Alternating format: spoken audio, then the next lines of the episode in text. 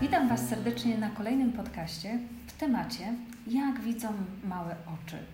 Właśnie, jak widzą małe oczy? Na pewno zastanawiałaś się, zastanawiałeś się, jak widzi Twoje dziecko zaraz e, po przyjściu na świat. Dzisiejszy mój gość, Joanna Zdybel. Dzień dobry. Dzień dobry, witam serdecznie ortoptystka, optometrystka, pedagog. Wiele informacji tutaj mam o Tobie. Najpierw byłaś pedagogiem, a potem byłaś ortoptystką i zaszłaś w ciążę, gdy byłaś, studiowałaś optometrię. Obecnie jesteś mamą czterolatka i dwulatka. Od 2012 roku prowadzisz, prowadziłaś prywatny gabinet leczenia ZEZA i niedowidzenia OrtoKids.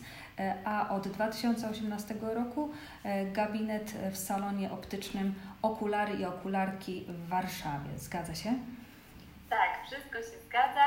E, ja faktycznie kończąc studia pedagogiczne skończyłam również ortoptykę i od razu zaczęłam pracować w tym zawodzie, a później chcąc poszerzać swoją wiedzę i też chcąc badać bardziej dorosłych, skończyłam również optometrię i jestem mamą dwóch chłopców, Kuby i Julka, także tak, tak, to, tak to wygląda. I tak jak powiedziałaś, prowadzę gabinet ortoptyczny i właśnie teraz dwa salony okulary, okularki w Warszawie, które są dedykowane dla dzieci i dla, e, tak, dla całych rodzin tak naprawdę.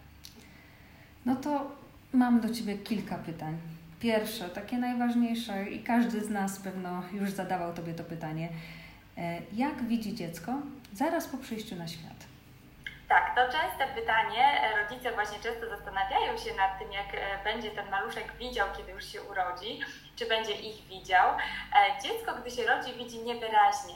E, nasz wzrok jest bardzo słabo rozwinięty, najsłabiej ze wszystkich zmysłów. Dlatego, gdy dziecko patrzy, taki noworodek, jego świat jest zamazany i jest dwuwymiarowy. Dziecko nie ma jeszcze widzenia przestrzennego. To widzenie przestrzenne będzie się rozwijało dopiero z wiekiem, bo narząd wzroku rozwija się przez kilkanaście lat po narodzinach. Także to jest bardzo e, długi proces. E, na samym początku e, maluszek postrzega dobrze ostre kontury, duże wzory, takie intensywne barwy i kontrasty. Zaczyna zauważać powolne ruchy. Ale właśnie głównie są to kolory czarno-białe, a z czasem dochodzą kolejne, kolejne barwy około drugiego e, miesiąca życia ten e, wzrok e, z bliskiej odległości jest już zdecydowanie lepszy i wtedy maluszek powinien nawiązać kontakt wzrokowy z rodzicem. To jest bardzo ważne, żeby ten kontakt wzrokowy był, bo on jest takim pierwszym, najistotniejszym krokiem właśnie w rozwoju widzenia. Bardzo to będziemy teraz podkreślać, że w okresie tym, kiedy dziecko już będzie miało dwa miesiące, to ważne jest, żeby Twoje dziecko nawiązało z Tobą e, kontakt wzrokowy. Jeśli nie, to tutaj pewno e, warto się zgłosić do specjalisty. I e, co zabawne, my jako rodzice na samym początku kupujemy mnóstwo pięknych, kolorowych zabawek, ale mówisz nam, że dziecko widzi na samym początku w wymiarze 2D, e, tak to można tak, określić. Tak, tak, e, I są to e, raczej takie właśnie szarości, kontury. Czyli te zabawki tak naprawdę nie muszą być aż w takich ilościach dookoła dzieci i w kolorach tutaj żeby też właśnie prawidłowo stymulować wzrok, e, to też e, właśnie kilka e, zabawek, czy jedna nawet konkretna zabawka, coś w kolorze biało-czarnym czy czerwonym, coś, co będzie przyciągało wzrok dziecka. Dziecko w związku z tym, że widzi właśnie takim w tym 2D, tak, czyli bez tego widzenia przestrzennego, będzie się gubiło w takim chaosie kolorów. Może nastąpić też przebodźcowanie, więc starajmy się, żeby właśnie u tych małych dzieci były to pojedyncze zabawki czy pojedyncze obrazki, ale w wyraźnych kolorach. Też zauważyłam taką tendencję, e, że weszła moda na pastele. E, wszystko w takich szarościach, delikatnych błękitach, różach. E, oczywiście piękne są te wszystkie rzeczy do pokoju maluszka, ale pamiętajmy, że żeby ten wzrok był aktywny i żeby on się pobudzał, musi być jakiś element, który będzie aktywizował dziecko do tego patrzenia. Bo jeżeli dziecko widzi bardzo takich słabych kolorach, e, to, to te kolory, ta wszystkim dookoła będzie po prostu taka mdła i nie będzie go zachęcała do tego, żeby e, patrzeć i aktywizować wzrok. No właśnie, mi polecono do aktywizacji wzroku mojego dziecka e, po prostu namalować uśmiechniętą buźkę na białym papierze kontrastowo czarnym flamastrem namalowałam po prostu taką buźkę, którą przywiesiłam e, przy łóżeczku. Czy to jest e, ok? Czy tak wystarczy? Tak, to są takie najprostsze metody. Oczywiście na rynku pojawia się bardzo dużo takich różnych czy książeczek, czy obrazków, które możemy stawiać i to też wszystko jest ok. E, ważne jest, żebyśmy zauważali, że każdym tygodniem dziecko robi się coraz bardziej aktywne, bo jeżeli dziecko zaczyna być aktywne ruchowo i ten rozwój motoryczny jest prawidłowy, to też ten rozwój wzroku jest prawidłowy i to jest bardzo silnie ze sobą powiązane. No to wiemy już, jak, jak widzi e, dziecko na samym początku, a kiedy dziecko będzie widziało tak samo jak ja, tak samo jak mama? E, to też jest złożony proces. E, około szóstego miesiąca życia, tak jak pokazują nam różne badania takie kliniczne, oko człowieka jest już tak rozwinięte jak oko dorosłego kontekście jakby pracy narządu wzroku. Natomiast e, to, jak my widzimy, to jest wiele lat naszej nauki. Musimy nauczyć mózg tego, e, że to na co patrzy, to jest na przykład, nie wiem, kaczka, jabłko, domek, coś, żeby to skojarzyć. Więc to jest bardzo złożony proces, ale około drugiego roku życia właśnie już on się zaczyna kształtować podobnie jak u osoby dorosłej. Oczywiście przez kolejne lata, gdy dziecko poznaje coraz więcej elementów, coraz więcej świata, przestrzeni, uczy się, e, to też to wszystko się jeszcze bardziej rozwija, ale taki drugi rok życia jest takim momentem, kiedy e, już ten mm, nasz, nasze dziecko, już nie maluszek, nie Bobas, widzi, mm, widzi właśnie wyraźnie, dobrze i powinien mieć to widzenie już na poziomie rodzica. To ale, jest też. Ale żeby właśnie... dziecko widziało wyraźnie e, i dobrze cały czas, to jak mogę dbać o jego wzrok, już począwszy od urodzenia? Wzrok najlepiej rozwija się, kiedy jesteśmy w ruchu. Cała aktywność fizyczna, to jak właśnie dziecko się rozwija ruchowo, ja też e, w gabinecie podczas wywiadu, kiedy mam badanie na przykład dwulatka, zawsze pytam rodzica o rozwój ruchowy, czy dziecko e, w odpowiednim czasie usiadło, raczkowało, był podpór wysoki, tak? Wszystkie elementy, które mamy rozwoju ruchowego powinny się wydarzyć i wtedy też to bardzo silnie wpływa na rozwój wzroku, na prawidłowy rozwój wzroku. Oczywiście wszystkie aktywności takie koordynacyjne, oko ręka, e, czyli układanie klocków, puzzle, układanki, e, wszystko co stymuluje jakby do pracy, współpracy oka i ręki, ale też z drugiej strony właśnie ten rozwój ruchowo-motoryczny, czyli gra w piłkę, jazda na rowerze, e, czyli to, żeby złapać balans. No bardzo dużo aktywności właśnie takiej ruchowej będzie sprzyjało temu, że wzrok będzie się prawidłowo rozwijał. Czyli wiemy e, już, e, że ruch e, i bardzo na to zwracamy uwagę i podkreślamy. Wcześniej też wspomniałaś o tym, że dziecko, gdy ma dwa miesiące, to powinno mieć ten kontakt wzrokowy z rodzicem. Co nas mogłoby jeszcze dodatkowo zaniepokoić we wzroku, w rozwoju wzroku dziecka, co powinno nas skłonić do tego, żeby udać się do takiego specjalisty, na przykład jak Ty? E, wzrok jakby e, ustawia się, rozwija tak najintensywniej do czwartego miesiąca. I tutaj mówię o tym częstym zezowaniu. E, to jest temat taki, no, dużo mitów jest wokół niego. Do czwartego miesiąca życia dziecko może sporadycznie zezować, natomiast po czwartym miesiącu życia już nie powinno być widać zeza. Oczy powinny być ustawione cały czas prosto. Czyli to jest kolejny taki ważny punkt, e, żeby zwracać na to uwagę, że po czwartym miesiącu oczy już nie zezują. E, oczywiście, tak jak wspomniałam, ten rozwój ruchowy, jeżeli widzimy, że dziecko ma problem z prawidłowym rozwojem motorycznym. To też może być związane z wysoką wadą wzroku, która w tym wieku często jest ukryta i jak no, nie jesteśmy w stanie bez e, wizyty u specjalisty e, tego ocenić. E, I kolejna rzecz, jeżeli cokolwiek nas zaniepokoi, czasami to jest taka intuicja mamy, wszyscy dookoła mówią, że e, nie, tutaj wszystko jest w porządku, ale to ty mówisz, on wcale nie zezuje, albo wszystko jest ok, ale mama czuje, że coś jest chyba nie tak, to wtedy udajemy się do specjalisty. Bo jeżeli mamy sytuację w drugą stronę, kiedy wszyscy dookoła mówią, zobacz, on chyba ma zeza, to ci rodzice bardzo szybko przybiegają e, na wizyty. Natomiast e, często też właśnie mówię rodzicom, żeby słuchać trochę swojej intuicji, jeżeli czują, że coś jest nie tak, że dziecko pociera oczy, na przykład przysuwa wszystko bardzo blisko, e, ale też jest takie wycofane społecznie, o co się też e, często gdzieś tam nie, nie spodziewamy tego. Natomiast dzieci, u których e, źle rozwija się widzenie przestrzenne, będą miały takie obawy przed tym otaczającym je światem i na przykład nie będą chciały zjeżdżać na zjeżdżalni, bądź huśtać się na huśtawce albo grać w piłkę. Więc takie rzeczy, jeżeli cokolwiek nas niepokoi w tym rozwoju dziecka, najlepiej sprawdzić też wzrok. Wzrok dostarcza nam ponad 80% e, informacji o tym, co nas otacza. To jest bardzo dużo dla rozwoju dziecka.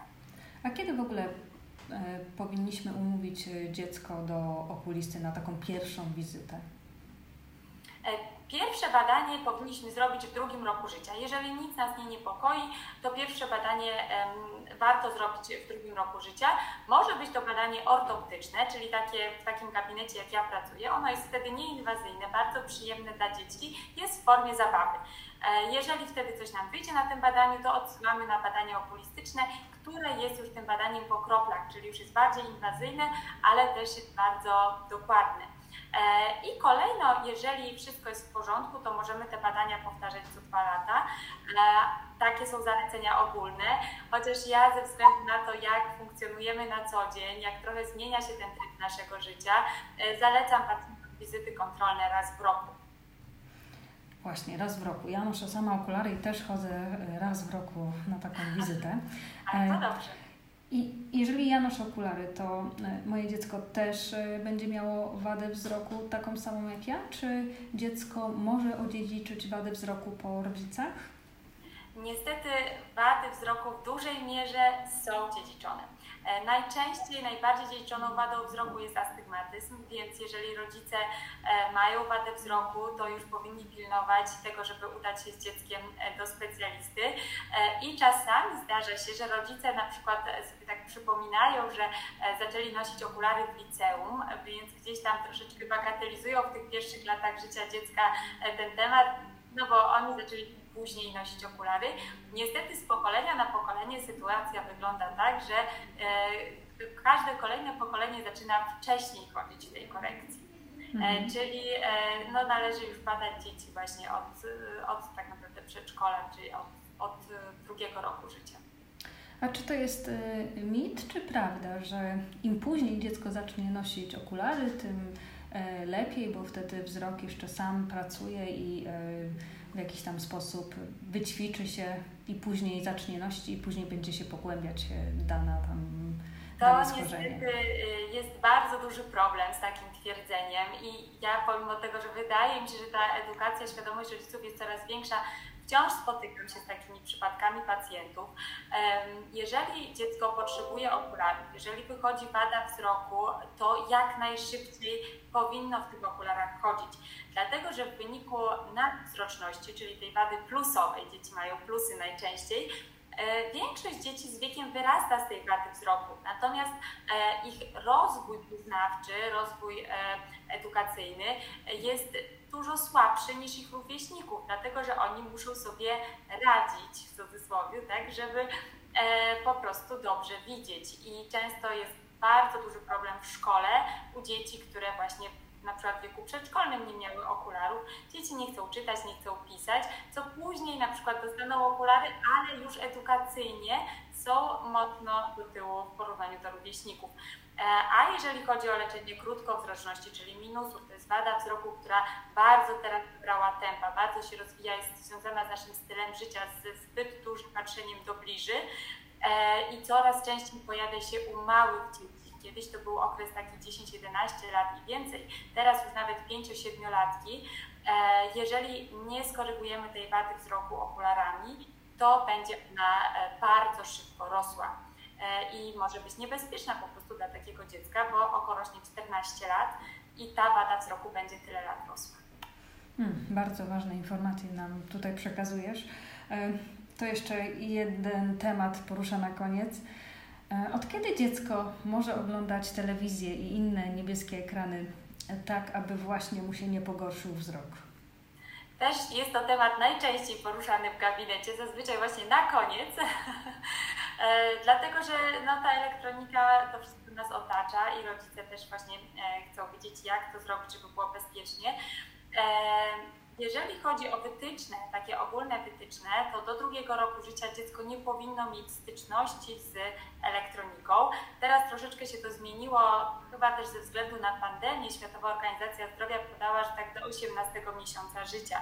Wiele dzieci też przez tą elektronikę ma w ogóle kontakt na przykład z dziadkami czy z jakąś tam dalszą rodziną e, w związku z, zamknięciem i, tą pandemią. W związku z tym no jakby takie są zalecenia, ale do 18 roku e, miesiąca życia, przepraszam, dziecko nie powinno korzystać z elektroniki. E, jeżeli chodzi o starsze dzieci, ten czas powinien być mocno ograniczany i to, co jest bardzo ważne i na co warto zwrócić uwagę, to że z wszystkich ekranów tak naprawdę sama telewizja jest najmniej niebezpieczna. Mhm. Niebezpieczne są wszystkie te ekrany, które mamy do bliżej, czyli właśnie laptop, e, telefon, tablet, e, dlatego że jakby oddziaływanie tej bliskiej odległości na wzrok jest właśnie niebezpieczne i może wywoływać różne zaburzenia. Od zaburzeń, które jesteśmy w stanie gdzieś tam skorygować, typu zaburzenia akomodacji, konwergencji, ruchów oczu itd., tak po e, właśnie wady wzroku, czyli postępowanie na przykład krótkowzroczności. Stąd dzieci powinny jak najpóźniej tak naprawdę zacząć korzystać z tych urządzeń e, w bliskich odległościach. Natomiast jeżeli byśmy już zaczęli mówić o troszkę starszych dzieciach, e, takich dzieciach szkolnych czy, e, czy starszych, e, to tutaj ważne jest, żeby uczyć od samego początku dzieci mm, tego, aby robiły przerwy takiego dobrego nawyku, bo to, co jest dla naszych oczu najbardziej niebezpieczne, to że my pracujemy w bliskiej odległości przez wiele godzin. I to powoduje tak naprawdę właśnie wady wzroku i, i, i problemy z widzeniem. E, jeżeli robimy przerwy, co około 20-30 minut, powinniśmy oderwać wzrok i spojrzeć gdzieś daleko, czyli na przykład jeżeli dziecko chce obejrzeć bajkę, to może obejrzeć bajkę przez 20 minut, a później powinno zająć się czymś innym i za jakiś czas możemy znowu mu włączyć na przykład na 20 minut.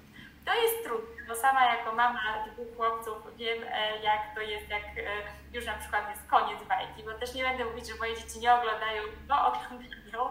Mhm. Natomiast to jest tak, że jeżeli my jesteśmy konsekwentni w tym i dzieci wiedzą, że ja im mówię, dobrze, pobawimy się teraz klockami, E, i po zabawie znowu sobie obejrzycie kawałek bajki i faktycznie ja się tego trzymam, e, no to oni wiedzą, że tak będzie, tak? Więc jakby to rozstanie się z bajką nie jest też dla nich takie traumatyczne, że to już mama im coś zabiera. E, no i się umawiamy na właśnie na jeden jakiś tam odcinek, tak, żeby to było w wymierzonym czasie, a nie ja im tam w połowie przerywam, bo tak naprawdę każdy z nas by się zdenerwował i też możemy to przełożyć na siebie, jak e, my oglądamy ulubiony serial ktoś by nam wyłączył w połowie, tak. Więc to są takie aspekty psychologiczne, ale e, myślę, że warto, warto tak rozważnie podchodzić tym bardziej, że ty masz e, dwulatka i czterolatka, czyli e, ten czterolatek już może trochę więcej e, oglądać telewizji. I jak to pogodzić, żeby ten dwulatek też nie chciał tyle samo, tak? No jest trudny moment. U nas to było tak, że jak właśnie ten młodszy synek spał, to najczęściej starszy miał ten czas na bajkę, on był taki mały, mały. Natomiast no teraz już, już jest tak, już oni mają 2,5 i 4,5, więc już się dogadują między sobą, co oni chcą w ogóle. To jest niesamowite, jak dzieci e, szybko jakby to wszystko łapią, wchodzą i, i, i jakby się dogadują. E, no ale to jest też coś takiego, czego my nie unikniemy, bo żyjemy w takich czasach, żyjemy w takim świecie i nasze dzieci będą korzystały z tej elektroniki.